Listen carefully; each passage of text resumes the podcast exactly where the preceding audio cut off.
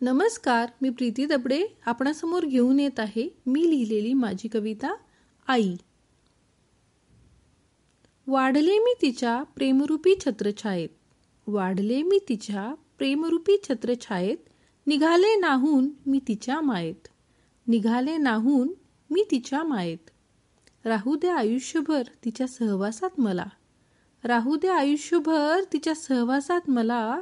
होऊ द्या आई माझी पुढच्या जन्मी पण तिला. होऊ दे आई माझी पुढच्या जन्मी पण तिला. धन्यवाद.